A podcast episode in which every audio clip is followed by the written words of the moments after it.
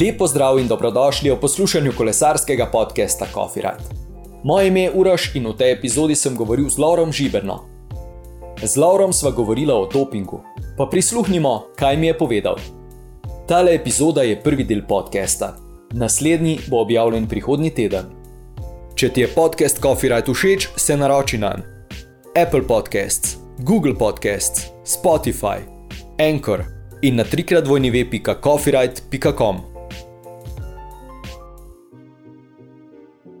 Takole, danes v moji družbi dr. Lauro Žiberna. Lepo zdrav, Lauro. Lep pozdrav, hvala za povabilo. Torej, Lauro, kakšno kavo piješ, kakšno imaš rad? V bistvu najrajši pijem makijato uh, ali ristreto uh, v Italiji, uh, v tej kavarni, kjer smo danes, pa, pa mi je barista postregel z eno zelo zanimivo kavo. Ne? Tako da moram kar pohvaliti to mariborsko kavno kulturo. Uh, veliko se je spremenilo, odkar sem še sam živel v tem mestu, tako da kar pohvala. Super, odlično. Poleg vsega, kar počneš v službi, kaj še počneš, kaj te v življenju veseli, razveseljuje, vodi? Ena kratka predstavitev. Ja, v bistvu zadnjih pet let se mi zdi, da ko pridem iz službe, se ukvarjam uh, z otroci in me ti popolnoma okupirajo. Drugače, v bistvu pa rad raziskujem nove stvari. Šport je v bistvu od mojega otroštva bil sestavni del. Bil sem športnik, ob zaključku kariere sem se spet našel v športu, potem sem se začel ukvarjati z eno problematiko športa in nekako je moj cilj v bistvu združiti profesionalno z temi aktivnostmi, ki me spremljajo od športa. Ne? In o tem sem v bistvu tudi danes pogovarjala. Pa kar pričniva. Torej, danes se bomo pogovarjali predvsem o dopingu. Na začetku nekaj tudi o tem, kako biti sodnik na kolesarskih dirkah. Torej, kaj pomeni biti sodnik na kolesarski dirki? Vemo, kaj dela sodnik pri nogometu, tenisu, košarki. Kaj dela sodnik pri kolesarstvu? No, hvala za to izhodišče. V bistvu, uh, kolesarski sodnik je ena zelo zanimiva funkcija, kajti delo ni enolično, ni, ni tako kot pri ostalih športih, ampak uh, vsak sodnik ali komisar, no, v bistvu se bolj v mednarodnih vodah uporablja izraz komisar, opravlja neko funkcijo. Ne. Se pravi, na dirki imamo lahko sodnika štarterja, ki skrbi za nemoten potek štarta, štartne procedure. Potem imamo ciljnega sodnika, ki je odgovoren v bistvu, da spremlja prihod tekmovalcev skozi cilj. To ne vključuje samo vrstni red, ne, kot si mogoče kdo predstavlja, ampak predvsem tudi vse nepravilnosti, ki lahko nastopijo v ciljnem sprintu, kot je recimo menjava sprinterske linije. In ciljni sodnik v bistvu se v teh primerih odloča, ali kolesarja relegira recimo na zadnje mesto v skupini zaradi določene nepravilnosti, ali pa oceni, da nek incident ni imel vpliva na potek rezultatov. Potem poznamo časomerilce, ki seveda igrajo zelo pomembno vlogo na etapnih dirkah, ali pa tudi v kakšnih etapah, v bistvu, ko na prvi pogled delujejo zelo benigne, pa se lahko uh, skupina razkropi in lahko v bistvu tudi kak tekmovalec za skupne seštevek izgubi nekaj dragocenih sekund. Takrat v bistvu mora časomerilec natančno tudi iz fotofiniša pogledati, ali je bila razlika med zadnjim kolesom. Uh, predhodnega tekmovalca in prvim kolesom naslednjega tekmovalca vsaj eno sekundo. Ne. V tem primeru dobi celotna skupina nov čas in ta čas je lahko včasih 10-15 sekund in igra pomembno vlogo za te tekmovalce. No, poleg tega potem poznamo komisarje, ki so v avtomobilih. Ti komisarji opravljajo predvsem vlogo, da skrbijo za koordinacijo celotnega prometa. Ne. Ta promet vključuje vsa vozila ekip, spremljevalnih, ki so ključna Kajti, če ima tekmovalec okvaro, uh, lahko zgubi kar nekaj časa, ne? kot recimo se je zgodilo letos, ne? vse slovenski uh, navijači poznajo incident s Primožem Rogličem, ker ni imel svojega vozila takoj ob sebi, je izgubil kar nekaj um, dragocenega časa. Tako da v bistvu komisar mora skrbeti za te nepravilnosti, prav tako mora se odločati v primeru pacev, ne? če zdravnik se ustavi in se reševalno vozilo ustavi. Veliko krat imamo na dirkah dve reševalni vozili, Torej, če pride do dveh poškodb, težjih, je treba dirko tudi neutralizirati. Tako da včasih se zgodi tudi na kakšni ugledni dirki, da se pač dirka prekine začasno, dokler ne pride nov zdravnik oziroma novo reševalno vozilo. Potem so težke vremenske situacije, ki jih mora pač glavni sodnik preceniti in v pogovoru z direktorjem dirke se odloči, da se včasih dirka tudi neutralizira. Ne, recimo letos je bil, bil ta zemeljski plas na etapi Tura. To je bila okay, zelo lahka odločitev, včasih so pa odločitve nekoliko težje. Ne? Ali nek prihod snež, snežnega vremena pomeni, da bo en klanec nadomeščen z enim drugim klancem, ne? in potem veliko krat je tisti drugi klanec nekoliko lažji na nižji nadmorski višini, in lahko ta odločitev tudi pliva v bistvu na potek tekmovanja. No, potem so še, pa seveda no, še nepravilnosti, ne? metanje recimo bidonov v naravo, to se sedaj kaznuje, nepravilnosti pri popravljanju kolesa vožnja v zaveterju. Ne, recimo ena težka odločitev je bila letos na svetovnem prvenstvu U23, ker so zmagovalca dirke v bistvu diskvalificirali, ker je 110 km pred ciljem preživel dve minuti v zaveterju in dejansko ujel skupino. Ne. Ampak teh situacij je kar precej, tako da v bistvu delo kolesarskega sodnika ni tako očitno kot delo uh, nogometnega sodnika. Ne. Na srečo veliko krat sodnik ne vpliva na potek tekmovanja, to je v bistvu edino pravilno skrbi pa za regularnost. Ne? In tukaj v tej regularnosti bi lahko rekel, da skrbi, da, da so rezultati pravilni, hkrati pa skrbi tudi za varnost tekmovanja. Ne? Tukaj jaz bi rekel, tudi vidim en pomemben eh, aspekt izkušenosti sodnika, da se v teh eh, težkih odločitvah v zelo kratkem času pravilno odloči in poskrbi za varnost tekmovalcev, ne? in potem tudi za nadaljevanje oziroma samo regularnost kar porajalo so se mi vprašanja med poslušanjem, oziroma pod vprašanjem. Bom tako rekel. Ena izmed teh, do kakšne nepravilnosti lahko recimo pride pri, pri popravilu kolesa med dirko. Recimo, ena res tak. Vse ostale stvari so mi dokaj jasne, ta pa, ta pa bi morda potrebovala razlago. Recimo, v preteklih letih se je veliko krat dogajalo popravljanje kolesa kar iz avtomobila, ker je mehanik visel v bistvu čez okno in to seveda se je ugotovilo, da je potencialno nevarno, ne, tako za mehanika kot za tekmovalca. Potem nepravilnost je recimo, če tekmovalec iz druge ekipe ponudi kolo, je to nepravilna pomoč. Ne, se pravi, ponuditi lahko kolo v primeru defekta, a, samo so tekmovalec tvoje ekipe ali pa tvoj mehanik v bistvu. To je recimo en, en tak primer, ali pa nepravilno dodajanje hrane, ne? da si v bistvu iz druge ekipe kdo komu. To, to so recimo takšne, bom rekel, posebnosti, ki pač skrbijo za to, da res pač se ohranja tudi ekipni, ekipni del tekmovanja, da pač ekipa v svoji strategiji predvidi, da so tekmovalci tistega favorita v ekipi spremljajo, oziroma v primeru, da druga ekipa eliminira pomočnike, je to potem njihova uh, kompetitivna prednost ampak pravila so kar zahtevna in žal se veliko krat zgodi, da tudi sami tekmovalci ne poznajo pravil in se potem v dani situaciji, ki ni pogosta, na srečo, pač tudi na robe odločijo ne, in potem dobijo določeno kazen, ki je pač niso veseli. Še morda tole pod vprašanje. Je tvoja pozicija sodnika na vseh dirkah enaka ali se te pozicije spreminjajo? Govoril si namreč o tistih, ki, ki merijo čas, eh, recimo štartnih sodnikih, ostalih Ja, seveda, eh, na vsaki dirki je glavni sodnik, potem seveda pa nekako ta glavni sodnik predvidi že vnaprej, kaj bodo sodniki, ki so delegirani v to sodniško žirijo, tudi počeli. Tako da ni, ne upravlja en človek vedno iste funkcije. Res pa je, da zavisi tudi nekoliko od nacionalnih pravil, ne? kako velika je lahko sodniška ekipa, kar je povezano seveda z stroški. Ne? V Sloveniji pač imamo Društvo kolesarskih sodnikov Slovenije, ki v skladu z nekimi smernicami, ki jih je Kolesarska zveza Slovenije potrdila, pač uh, upravlja to delegiranje. V nekaterih državah je sodnikov več, v nekaterih državah je manj.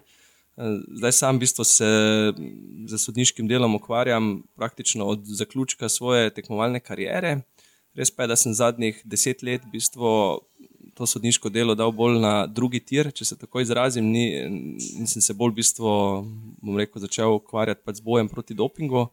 Še vedno pa grem vsako leto vsaj petkrat na kakšno kolesarsko prireditev, ker pač upravljam katero koli delo mi glavni sodnik pač na tekmovanju dodeli. V bistvu zato, ker me pač to veseli, eh, rad sem prisoten na tekmovanju, uživam v gledanju kolesarskih dirk pa tudi če so to uh, mladi kolesari, ne, tu so v bistvu boji zelo zanimivi, včasih celo bolj zanimivi kot na profesionalni dirki. Ne. Rekreativni kolesari, amaterski kolesari, v bistvu tudi z veliko motivacije pristopijo k tekmovanju ne, in so njihovi boji zelo spominjajo na kakšno dirko starejših mladincev. Tako da v bistvu najrajši imam dirke rekel, v mednarodnem krogu U23 starejših mladincev, ker imajo še vedno tisti nek kanček nepredvidljivosti, ki ga mogoče na World Touru nekoliko manjka, ne? ker so pač dirke bolj kontrolirane uh, zaradi moči profesionalnih ekip. Ja, ja, ravno poslušalec Štefan je komentiral, da ti delo sodnika zelo, zelo pristoji. Očitno te je srečal na, na, na neki tekmi. Ja, verjetno, verjetno da sem že toliko let v, v, se ukvarjam s tem, v bistvu, da že bo že skoraj 2001, ne, da bo že 18 let. 18 let, bo že polnoleten. Tako ja, polnoletni kolesarski sodnik. Ja. ok, pa da nadaljujeva torej z recimo tole osrednjo temo dopinga. Kaj je po tvoje doping, oziroma kako bi ga razložil? Ja, za doping uh, lahko na različne načine razložimo. Zdaj, mogoče bi izhajal v bistvu iz definicije, ki jo je Svetovna antidopinška organizacija sprejela. Ta je zelo preprosta. Doping je v bistvu kršenje protidopinških pravil ta protidopinška pravila iz leta v leto naraščajo. Če smo jih imeli mogoče pred osmimi leti šest, jih imamo danes deset. Se pravi, kakršna koli kršitev teh pravil je doping. Ne? Zdaj, mogoče tista najbolj osnovna, ko jo vsi poslušalci, verjetno ali pa vsi ostali poznajo, je uporaba prepovedane snovi oziroma v biološkem vzorcu, da najdemo nek presnovek, samo zdravilno snov ali pa nek biomarker, ki kaže, da je ta snov bila prisotna. Ampak to ni vse. Ne? Doping se smatra tudi recimo, napaka v prijavljanju lokacije bivanja športnika. Ti športniki, ki jih imamo vključene v pule, morajo 24 ur na dan sporočati, kje spijo, kje trenirajo, kje tekmujejo, in mi lahko jih v bistvu testiramo 24 ur na dan. V primeru, da se zgodi napaka, da je trikrat v 365 dnevih, torej v enem letu, športnik na robe sporočil lokacijo, oziroma ni bil na lokaciji, ki je bila navedena v njegovem sistemu Adams, ne, tako imenujemo ta sistem, je to kršitev protidopniških pravil, ki se obravnava disciplinsko enako, kot da bi športniki imeli prepovedano snov. No, in potem so ta pravila, seveda, precej širša. Ne? Tudi kakršne koli goljufije, posredovanje lažnih podatkov, ostrahovanje ljudi, ki sodelujejo v boju proti dopingu, prikrivanje, ne? recimo, da pride športnik z lažno identiteto ali pride kdo drug na mesto njega. To, to so vse protidopniški prekrški. Prav tako preprodaja, prekopčevanje, sodelovanje z zdravniki, ki so že bili povezani z dopingom. Ne. Doping je z vidika Svetovne antidopinške organizacije en zelo širok pojem, ki se tudi iz leta v leto nadgrajuje in je vedno več teh potencijalnih pač, kršitev v tem. Ne. Zdaj, doping, mogoče povedano drugače, ne, je pač uporaba nekih eh, snovi z namenom izboljševanja telesne zmogljivosti, in doping v bistvu ni prisoten samo v športu. Ne. Tako da doping je po moji definiciji v bistvu problem družbe. Problem v športu je samo eden izmed aspektov. In um, je pa res, da v športu pač tisti, ki potencialno uporabljajo doping, so lahko tudi odkriti. V kakem drugem družbenem sektorju pa lahko ljudje na enak način izboljšujejo svoje zmogljivosti, ampak ker ni v pravilih igre, ne, uh, dopinških testov, ne bodo nikoli odkriti. Ne. Tako da v tem aspektu je v bistvu problem dopinga v javnosti predstavljen v bistvu samo kot problem športa. V resnici pa je precej širši problem. Je v bistvu problem moderne družbe, problem iskanja nekih presežkov, nenehnega napredovanja, nenehnega preseganja samega sebe in to se dogaja v bistvu v vseh sektorjih. Izčrpno in zelo za, zelo za razmisliti. No. Pa recimo, da nadaljujeva tukaj. Torej, kakšni so pa recimo bili začetki dopinga? S čim so, s čim so se recimo prvo spoznali eh, športniki? Nekaj časa vem, da je bil to alkohol, če se ne motim. Eh, Kako se je potem to razvijalo? Zdaj, začetki dopinga, če gremo čist uh, zgodovinsko, doping je star točno toliko, koliko je star šport.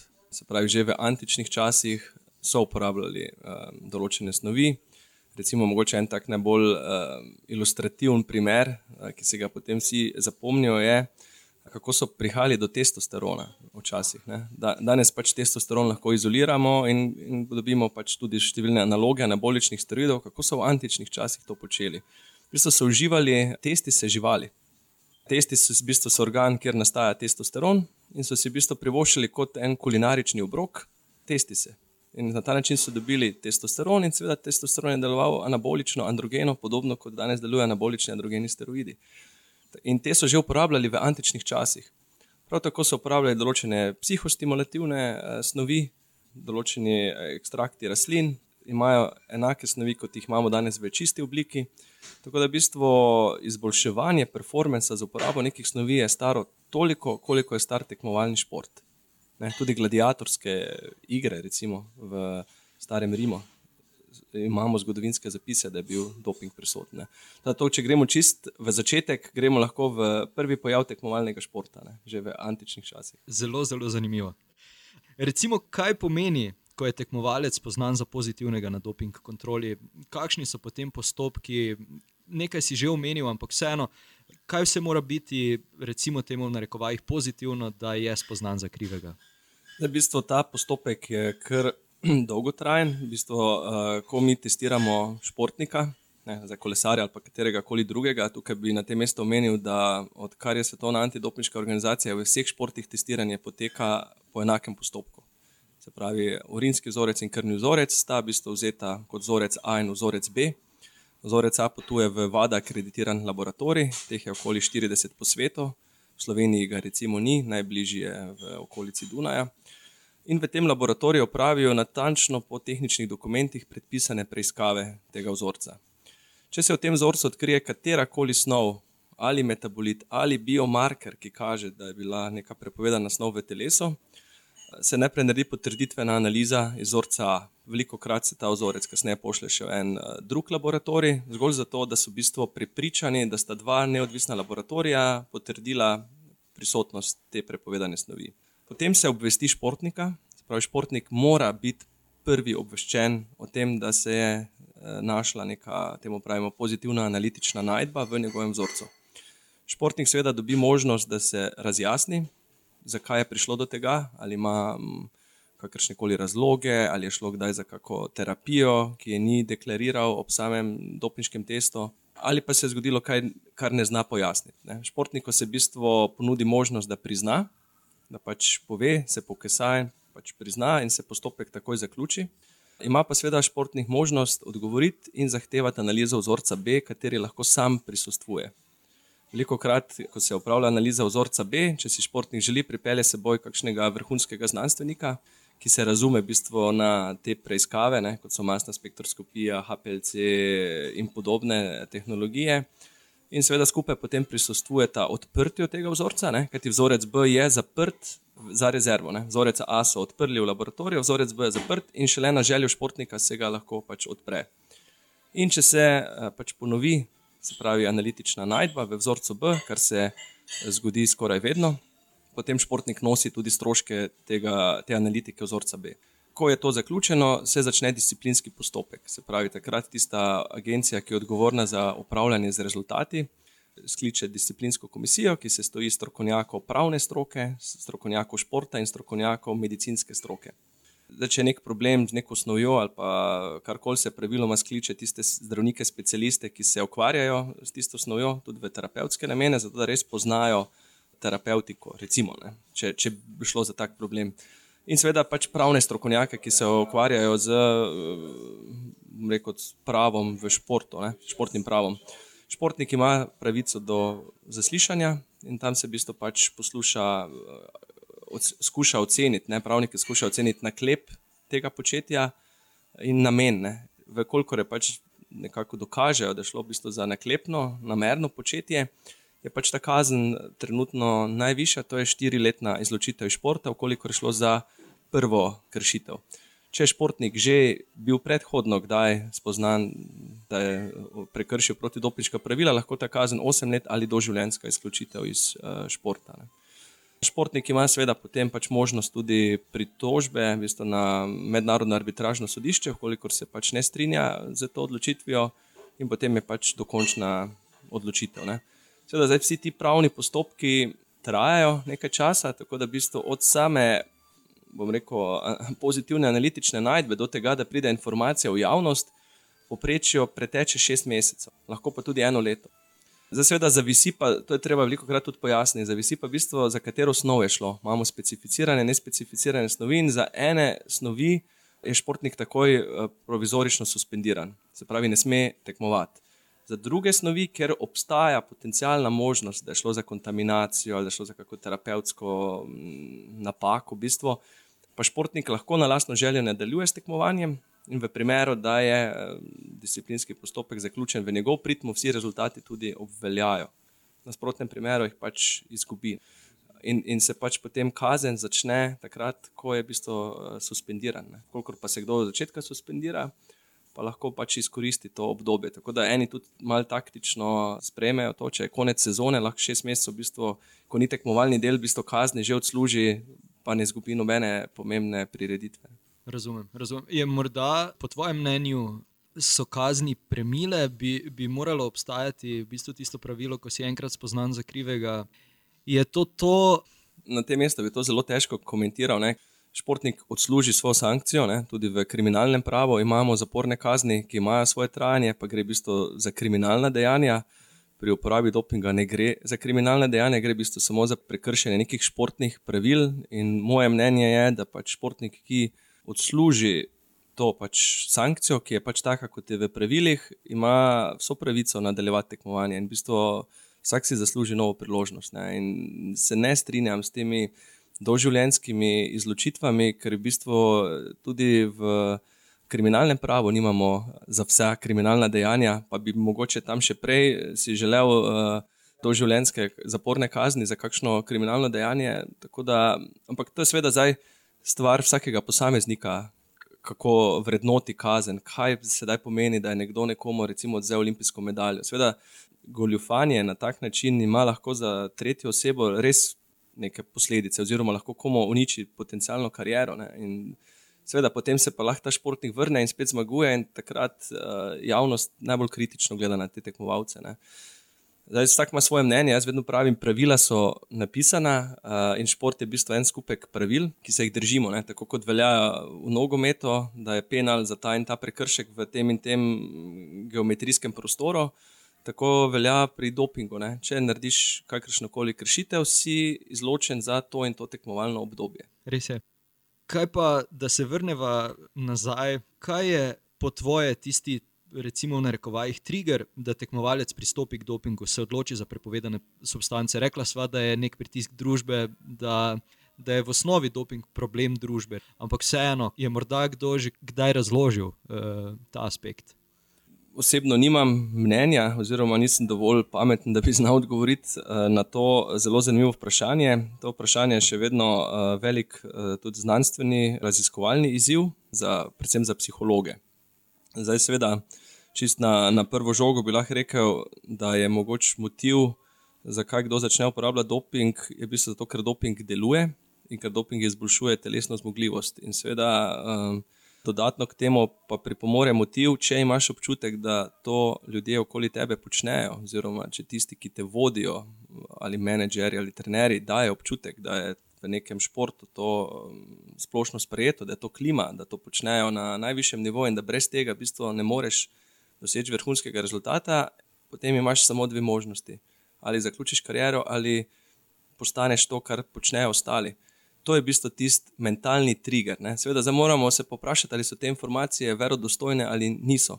To je seveda problem potem vsakega športa. Zdaj, če se pač gledam to, da se danes glavna tema v bistvu kolesarstvo, lahko rečemo, da v enem kritičnem obdobju, to so leta 90-ih, pa zgodna leta 2000-ih, je seveda zaradi znanstvenih manjkov z vidika analitike, ne, govorim sedaj za eritropoetinine naloge, se dejansko to lahko imenuje e-podoba. Kaj ti ni bilo načina, da bi odkrili to. In seveda so bili ljudje, ki so to zlorabljali, in so bili ljudje, ki so tem bili eritropoetin, seveda deluje v vzdržljivostnem športu. Ne? In če nimaš testa, bo nekdo lahko dobesedno poletel zraven tebe. In če želiš biti sestavni del te igre, preprosto niso imeli izbire. Verjamem pa, da niso to počeli z veseljem. V bistvu, ko se enkrat znajdeš v svetu profesionalnega športa, ko ti to postane služba, ko v bistvu živiš za ta šport, treniraš, garaš in vidiš, da če se izrazim kolesarsko v svetu, da prideš 40 km do cilja in ti grupa gre, ne, ne gre skupina, ampak grupa, se vprašaš, kaj delam na robe. In potem pride nekdo, ki ti pove, kaj počnejo okoli tebe, in nekdo poskusi to, in potem postane sveda spet kompetitiven, in potem ni več izhoda iz tega. In, in tukaj je v bistvu bil problem stroke. Zamudili smo, ne, smo že začeli v eritropoetinu. Eritropoetin je leta 1989 prišel kot prvi rekombinantni produkt na tržišče. Prvi test je bil leta 2000 in je bil zelo neučinkovit. Izboljšana verzija tega testa 2004. Šele v zadnjih letih lahko govorimo, da smo sposobni zelo, zelo nizke odmerke eritropoetina zaznati. Se pravi, je bilo v bistvu ena 15-letna luknja, ki so posamezne športne organizacije skušale zaeziti z nekimi virtualnimi pravili. Ne? Hematokrit nad 50 in 14-dnevna prepoved nastopanja. Kaj do česa je to privedlo? Se je to v bistvu skoraj že. Uh, Ne, mislim, smešno, da so vsi kolesari začeli potovati z centrifugami in so si kapilarno zjutraj odzeli uh, kapljico krvi in so si sami centrifugirali, ne, ker hematokrit pač pomeni, ne, kolikšen, kolikšen je delež eh, eritrocitov in ga lahko preprosto zmeriš. In če si bil pod 50, si bil na varnem. Ne. Če si pa bil mal naci, pa mogo z eno fiziološko infuzijo v bistvu malo razrečiti, ne, če bi slučajno bil testiran. In seveda, to ni učinkovit boj proti dopingu. Ne, in uh, leta 2000, ko se je pojavil prvi test, so se stvari v vzdržljivostnih športih začele izboljševati. Ne. Zdaj, seveda, kolesarstvo smo zdaj pač izpostavili, ker je to glavna tema, ampak e-podoba je veljala za vse ostale športe, atletika, tek na smočeh, biatlon in lahko bi naštevala še večino ostalih športov. Tako da uspešen boj proti dopingu v ozadju dirigira znanost. In seveda, če ni interesa organizacij, da financirajo znanost, potem seveda se odpirajo možnosti. Tako da to osnovno vprašanje, ko je bilo, zakaj tekmovalec pristopi k dopingu, je zelo kompleksno. Po moji oceni, večina ne pristopi k temu, ker bi želela goljufati, ampak verjetno pristopi k temu, ker bi želela biti konkurenčna tistim, za katere menijo, da to počnejo. Ne. Vsaj zgodovinsko gledano, lahko rečemo, da je temu tako. Vedno se pa najdejo, seveda, rekel, tisti izraziti posamezniki, ki pa grejo čez vse meje uh, zdravega razuma, tvegajo svoje zdravje, samo zato, da v bistvu zmagujejo. Na veliko srečo se te izrazite posameznike eventualno tudi odkrije, ker če res pretiravaš z neko snovjo. Poslej, ko prej stopala. Ne? Tako ne, v bistvu zdaj en izmed učinkovitih ukrepov je tudi to, da danes vzorce deset let zamrzujemo. Ne? Se pravi, v bistvu se da tudi za nazaj pogledati z novo analitiko, kaj se je zgodilo in potem retro gradno, v bistvu na novo razglasiti rezultate. Olimpijske igre v Londonu, en tak primer, koliko medalj je bilo že na novo uh, podeljenih drugim športnikom, ker se je z novimi analitičnimi metodami ugotovilo, da so v bistvu goljufali. Tako da to je v bistvu zgodba brez konca uh, in ta ukrep zamrzovanja je nekaj, kar je učinkovito. Nekateri predlagajo, da je bilo potrebno dodatno tudi na teh večjih tekmovanjih denarne nagrade, v bistvu zamrzniti, Recimo na maratonih so zdaj štartali eno, dve leti nazaj, zaradi tega, ker je veliko kenicev, ki zmagujejo, kasneje tudi testiranih pozitivno, da jim v bistvu na petletnem obdobju izplačujejo finančno nagrado. Ne? Se pravi, če recimo 2 milijona dolarjev, pač dobi eh, eno četrtino zdaj, ne, potem pa mogoče naslednjič 20%, pa 15%. Mislim, nek ključ je v bistvu izplačevanja nagrade in če v petih letih nima pozitivnega dopniškega testa, dobi celotno uh, nagrado. Ne? Tako da se v bistvu tudi na ta način lahko organizatorji vključijo boj proti dopingu. Prvič sem sedaj slišal, da obstaja to pri maratonih. No, no zdaj, v bistvu, zdaj, če pa gremo na kolesarstvo, ne, finančni pristop. Kolesarstvo je edini šport, ki v bistvu uh, športnika, ki je testiran pozitivno, tudi finančno kaznuje. 70% letne plače gre v budžet za boj proti dopingu. To je neka inovacija, ki drugi športi ne poznajo. Recimo, če ima kolesar recimo nek kolesar v Vorturo, milijon evrov letnega zaslužka, bo moral, če je testiran pozitivno, avtomatsko 700 tisoč evrov dati uh, Mednarodni kolesarski zvezi in ta denar se bo namenil v boj proti dobu. To je zelo učinkovit finančni model.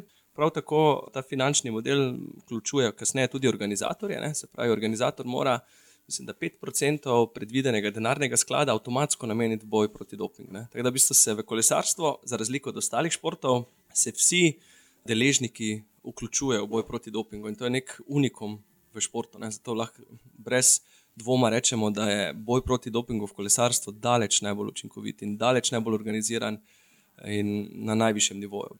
Ravno o tem smo prej govorili, ko še nismo snemali, da recimo na letnem nivoju poteka 20 tisoč doping testov za kolesarje, pa samo recimo 2 tisoč za odbojkaše, je zaradi tega kolesarjenje toliko bolj na slabem glasu, uh, po tvoje, ali je to potrebno. No, no, to, je, to je zelo odlično uh, razmišljanje. V bistvu kolesarstvo velja v ljudeh, tudi športnih fenov, ali pa mogoče tudi tistih, ki izhajajo iz samega kolesarstva kot izrazito rizičen šport. Ne. Če grem, recimo, srednjim šolcem predavati, pa rečem, kateri šport ima problem z dopingom, dobim dva odgovora: kolesarstvo in atletika.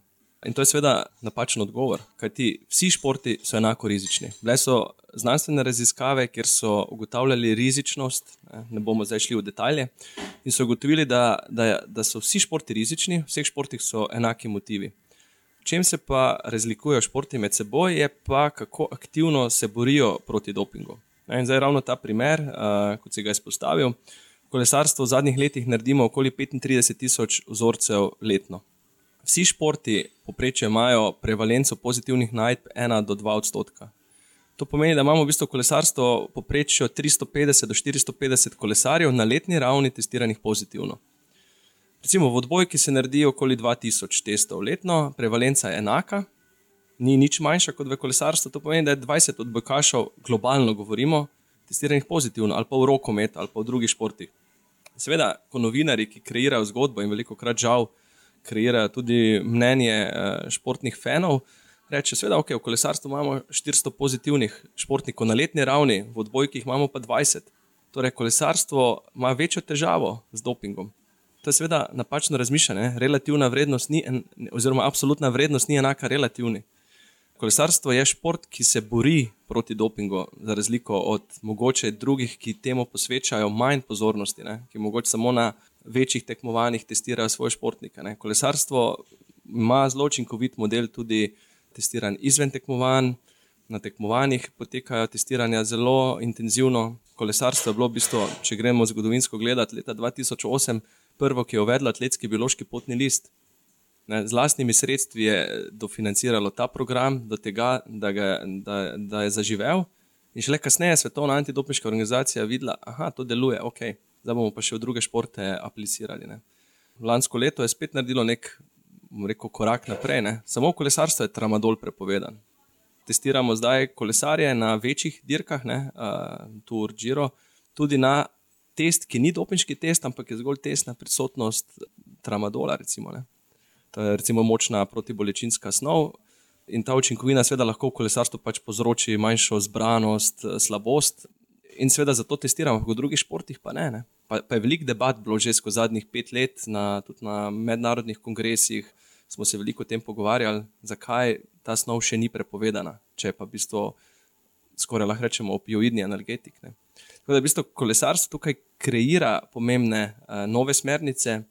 In uh, to, da je kolesarstvo najbolj rizični šport z vidika dopinga, ta dogma ali pa to je v bistvu stereotip, ki je napačen. Ne. In tukaj je treba v bistvu to skomunicirati. Seveda, začeti je treba najprej z ljudmi, ki smo iz tega športa, ne? se pravi, um, ljudje, ki imamo radi ta šport, moramo jasno tudi na vzven komunicirati, da kolesarstvo ni nič bolj rizično kot ostali športi. Je pa bilo vedno najbolj izpostavljeno. Ne? Bi morda sklepal, oziroma ja, bi morda sklepal, da je ta nejevera v kolesarje povezana s tem, ker eh, je za Lance Armstrongom stala ena velika fundacija, za katero se je pač potem skozi vse skupaj ugotovilo, da je, da je ena velika laž. Je morda s tem povezana naša prepričanost, da, da so vsi kolesarji v narekovajih na dopingu? Če izhajam iz svojega stališča, Lens Armstrong ni počel v bistvu čist nič uh, tako naprednega, kar ostali ne bi mogli početi. To je v bistvu njegov način uh, dopinga, vsaj to, kar je bilo sedaj javnosti razkrito, ni v ničemer znanstveno presegal kakšnih drugih ekip. Ne. To je v bistvu za ena zadeva, ki jo je treba pač uh, jasno skomunicirati. Res je, da je pač problem Lensa Armstronga bil z drugih vidikov, v bistvu, ne, uh, na druge načine se je v bistvu ljudem zameril, oziroma druge nepravilnosti je počel od teh finančnih in, in v, bistvu v pravnih postopkih uh, po ameriški zakonodaji, uh, v bistvu, ko je lagal pod prisego in podobno. Ne, in je v bistvu zaradi tega njegov case tako poseben, tudi z vedika ameriške zakonodaje, tudi poseben, ker so v bistvu njegovi prijatelji. V tistih najbolj kritičnih momentih obrnili hrbet, oziroma jih je izgubil, mogoče tudi zaradi svojih uh, značajskih lastnosti. Uh, In zdaj na, na podlagi Lensa Armstronga jaz ne bi komentiral zgodbe kolesarstva. Ne. On je pač kolesar, ki je dosegel veliko rezultatov, jih v končni fazi tudi izgubil ne, zaradi vseh teh postopkov. Marsikdo tudi bil testiran pozitivno, oziroma uporabljal iste snovi, prestal sankcijo in, in nadaljeval, in so tudi, bom rekel, novinari do njega bolj prizanesljivi. Ampak z vidika dopinga pa ni počel nič drugače kot mogoče uh, Lens Armstrong. Teda, v bistvu, jaz Lens Armstronga ne bi, ne želim v bistvu imati kot uh, prototip problema dopinga v športu. On je, pač en poseben primer. No.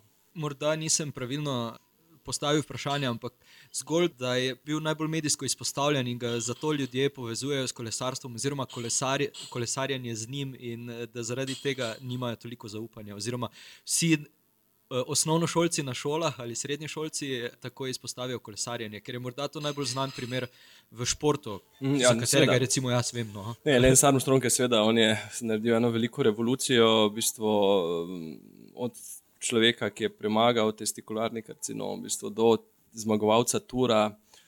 To je bila ena zgodba o uspehu, to je v bistvu to, kar bom rekel, vsi um, ne, potihem sanjamo o nekem uspehu, čudežnem v karieri in to se je v bistvu njemu zgodilo, ko je v bistvu iz, iz dna potem dobil drugo rojstvo. V bistvu, no.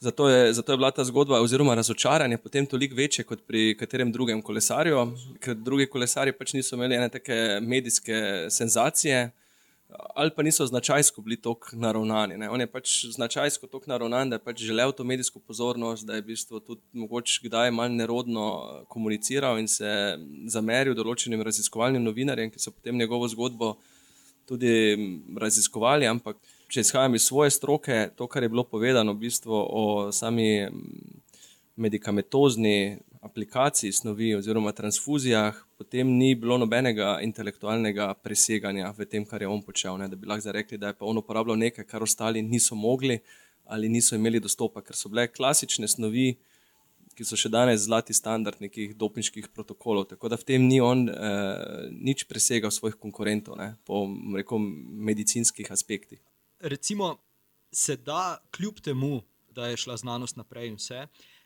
na lahek način prelisičiti te za doping. Naprimer, v preteklosti je bil to krvni doping, ki ga je bilo skoraj da ne mogoče zaznati. Je sedaj, seveda, z uporabo biološkega potnega lista to absolutno teže, ampak vseeno obstajajo še načini, ko lahko nek športnik prelisiči doping.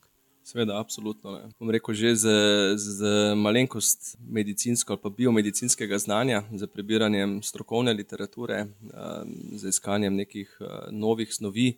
Če ima kdo bazično farmakološko znanje, mehanizme, lahko sam identificira snovi, ki lahko potencialno izboljšujejo pač performance, da vkolikor je kdo pač pripravljen sprejeti to tveganje, da preizkusi nepreizkušene snovi, ki še niso v klinični fazi testiranja na sebi.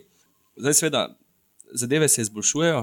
Jaz bom tako, jaz bom tako izhajal. Ne? Če gremo spet na kolesarstvo, tisti, ki že več let spremljajo kolesarstvo, so se v zadnjih rekel, osmih, pa, pa desetih letih opazili, da, dirke, da so se spremenile. Ne? Danes v bistvu vidimo pomočnike, ki opravijo svoje delo na prvem klancu, ko se praktično ustavijo, ne? se zaletijo v zid in se komaj premikajo, komaj pridajo do cilja. Ali imamo kolesarje, ki so od prejšnjih dni tako izčrpani, da v bistvu po 20 km naslednje etape ne sledijo več ali pa imajo težave. Ne. Tega recimo včasih, ehm, tisti dobi, ko je pač ne, bil hematokrit nekoliko višji, je bilo manj tega, v bistvu so šli kot vlak.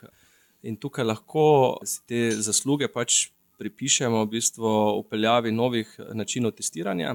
Od leta 2008, seveda, hematološki modul biološkega potnega lista. Imamo namreč več modulov trenutno, da atletski biološki potni list ni več samo za krvne parametre, je danes tudi za steroidne profile iz vseh urinskih ozorcev, razvija pa se še peptidni, hormonski modul, ki bo tudi čez nekaj let uveljavljen in bo tudi naredil še eno revolucijo, en korak naprej. V bistvu. Tako da lahko govorimo, v bistvu, z uporabo bioloških potnih listov se je precej stvari umirilo, oziroma zadeve so šle bolj v mikrodozing. Zdaj na mikrodozing lahko gledamo na različne načine. Ne. Še vedno je to goljufanje, še vedno je to kršenje protidopniških pravil, po drugi strani pa je ta napredek pomeni, da bistvo, če že kdo to uporablja, je vpliv na performance manjši. Ne, če govorimo v e-podobi, v 90-ih letih lahko govorimo, da je VO2 max ne, za tiste, ki si to testirajo, lahko porastel tudi do 15%, če je šlo res za učinkovito, pa strokovno vodeno uporabo dopinškega protokola. Tudi če kdo ni bil tako uh, medicinsko voden, je lahko do 10%. Ne? In to tisti, ki, ki to poznajo, to je velika razlika. Ne? To se sploh ne da izmeriti. Danes, recimo, se ocenjuje, da je 3 do 5 odstotkov tisti maksimum, ki ga lahko kdo z temi metodami dosega, da ostane še vedno pod tistimi mejami detekcije, ki, mi, ki smo jih sposobni odkrivati. Ampak to je spet dvorezen meč. Ne? Kolesari, ki smo jih recimo testirali par let nazaj, mislim, da dve, tri leta nazaj, ko je prišla nova, bolj občutljiva metoda, so bili njihovi vzorci iz 2011, 2012 ponovno testirani. Ne? Se pravi, 2012 je bil negativen, je bil pod mejo detekcije. 2016, ko so bili ti vzorci ponovno testirani, ker je pač uh, bilo očitno neko znanje, ne, da, da so pač ti sodelovali z določenimi ljudmi, so pa bili pozitivni. In enako se sedaj počne. Tudi če se sedaj ve, UCI, Mednarodna kolesarska zveza, ima namreč svoj intelligence uh, pristop, imamo ljudi, ki so bili včasih na Interpolu zaposleni in v bistvu zbirajo te informacije, in ko se za katerega športnika sumi, da nekaj počne, pa so vsi njegovi testi negativni, se njegov vzorec zamrzne. In se čaka, da bo prišla nova analizna metoda, ne, ki bo to mejo detekcije še znižala, ali pa uporablja neke druge biomarkerje v tem vzorcu, in bo vzorec ponovno testiran. Ne, in se bo seveda potem retroaktivno te rezultate izbrisalo in pač podelilo tistim, ki so dejansko osvojili, vekolikor kdo to počne. Tako da napredek eh, boja proti dopingu je viden, ne, izrazito, v kolesarstvo dirkanje poteka drugače, to vsi poznavalci lahko trdijo. Nismo pa tam, kjer bi lahko bili. Ne. To je pa seveda zdaj vprašanje, ali, ali, ali bomo kdaj to dosegli ali ne. Moje mnenje je, v bistvu, da je seveda lažje, lažje identificirati nove oblike uh, snovi, ki izboljšujejo telesno zmogljivost, kot odkriti analizno tehniko, ki je validirana. Ne. Se pravi, validirana pomeni, da ne bo dajala lažnih pozitivnih. Moramo vedeti, da če gre vzorec v laboratorij in pride rezultat, da je športnik testiran pozitivno, tu ne sme biti verjetnost ena proti sto. To mora biti ena proti tisoč milijonov verjetnost napake. Se pravi, morajo te metode res imeti eno kilometrino in zato ta razvoj traja. Lahko rečemo 5 do 10 let poprečju. Osebno sem tudi nekoliko kritičen do um, razvoja um, liste prepovedanih snovin postopkov. Po moji oceni gre prepočasi. Tudi pred leti smo poskušali aktivno na določenih sestankih vplivati, in to je pač en zaprt sistem, ki ga pač vada delegira določene znanstvenike v to skupino, in šele ko oni identificirajo, da je dovolj znanstvenih podatkov, da je neka snov oziroma neka družina snovi dejansko vpliva na performance oziroma da škoduje zdravju šele takrat to snov vrstijo na to listo. Ne. Iz večjih razlogov prihaja do tega, do tega zamika, ampak odgovor na, na tvoje vprašanje, ali je možno početi nekaj, kar izboljšuje telesno zmogljivost in imeti negativen test, je odgovor seveda da. To bom mogoče podprl še z eno znanstveno raziskavo, ki je bila leta 2016 opravljena na športnikih, ki so prihajali iz olimpijskih iger in svetovnih prvenstev. To so na eni nemški univerzi opravili. Vzorec je bil kar velik, mislim, da so 500 vrhunskih športnikov testirali z eno posebno tehniko, ker so zagotovili popolno anonimnost, randomizirani vprašalniki, kakorkoli. Ugotovili so, da 20 do 40 odstotka bila ocena teh športnikov uporablja doping. In to je veli, velika razlika uh, s tistim podatkom, ki sem ga prej omenil, da mi pa 1 do 2 odstotka od vseh odzetih vzorcev spoznamo pozitivnih. Ne. Tako da to v bistvu že ta razkorak nam pove, da, da problem dopinga je prisoten, in da pač zaostajamo. Ne? Ampak to je pričakovano, ne? to, to v bistvu ne preseneča, da analizne metode zaostajajo. Uh, in, in to je nek sestavni del igre, ki bo tekel tudi v prihodnosti. Ne? Ampak to zamrzovanje vzorcev pa povzroča malo negotovosti, ne? ker je v bistvu hazardiranje. Ne? Ti lahko danes uporabiš snov, za katero ni analizne tehnike.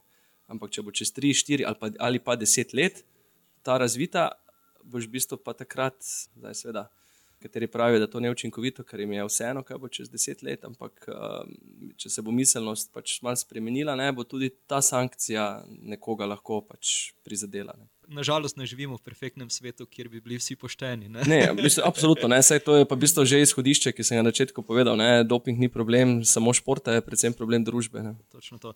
Odlično. Najlepša hvala, Laura. Hvala za povabilo in želim še uspešno nadaljevanje teh eh, zanimivih podcastov v prihodnosti. Super, hvala. Lauro, tu še enkrat najlepša hvala, da si je vzel čas za kavico in pogovor. Mi se ponovno slišimo prihodnji petek, ko bova z Laurom nadaljevala najm pogovor o dopingu. Copyright je na voljo na skoraj vseh podcast platformah: Apple Podcasts, Google Podcasts, Spotify, Anchor in na trikrat vojni web.copyright.com.